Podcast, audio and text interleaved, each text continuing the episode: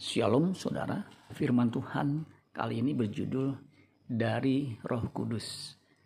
Matius 1 ayat 20 terjemahan baru mengatakan, Tetapi ketika ia mempertimbangkan maksud itu, malaikat Tuhan nampak kepadanya dalam mimpi dan berkata, Yusuf anak Daud, janganlah engkau takut mengambil Maria sebagai istrimu, sebab anak yang di dalam kandungannya adalah dari roh kudus Terjemahan versi mudah dibaca mengatakan begini.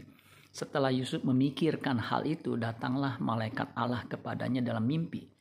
Malaikat itu mengatakan, Yusuf anak Daud, jangan takut menerima Maria menjadi istrimu. Anak yang di dalam kandungannya berasal dari roh kudus. Terjemahan bahasa Indonesia masa kini mengatakan begini, Sementara Yusuf menimbang-nimbang hal itu, ia bermimpi. Dalam mimpinya itu, ia melihat seorang malaikat Tuhan yang berkata kepadanya, Yusuf keturunan Daud, jangan takut menikah dengan Maria, sebab anak yang di dalam kandungannya itu terjadi oleh kuasa roh Allah. Peristiwa kelahiran Kristus ke dunia harus kita fahami dengan benar.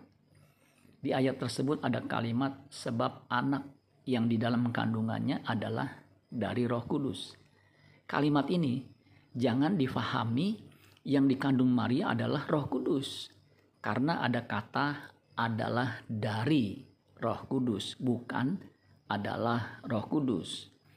Kalimat adalah dari Roh Kudus dari kata Yunani ek hagio pneumatos estin. Kata ek adalah preposition kata depan yang bisa berarti from, dari, of, juga dari, out from, keluar dari. Kata depan ini digunakan untuk menunjukkan asal. Misalnya, saya memberikan buku kepada Anda. Saya adalah subjek. Buku adalah objek. Kepada Anda adalah keterangan objek. Buku itu sama dengan tidak sama dengan saya atau Anda Demikian dengan pemahaman ayat tersebut. Yesus bukan Roh Kudus dan Roh Kudus bukan Yesus karena Yesus adalah firman Allah yang menjadi manusia. Yesus keluar dari Allah Bapa karena dia adalah kalam atau firmannya Bapa.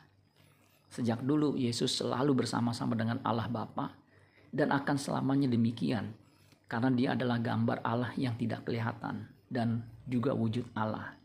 Yesus adalah realitas konkret yang kepadanya kita berharap dan mendapat kelegaan. Mari kita rayakan kelahirannya ke dunia untuk menyelamatkan kita. Amin buat firman Tuhan. Tuhan Yesus memberkati. Sola Gracia.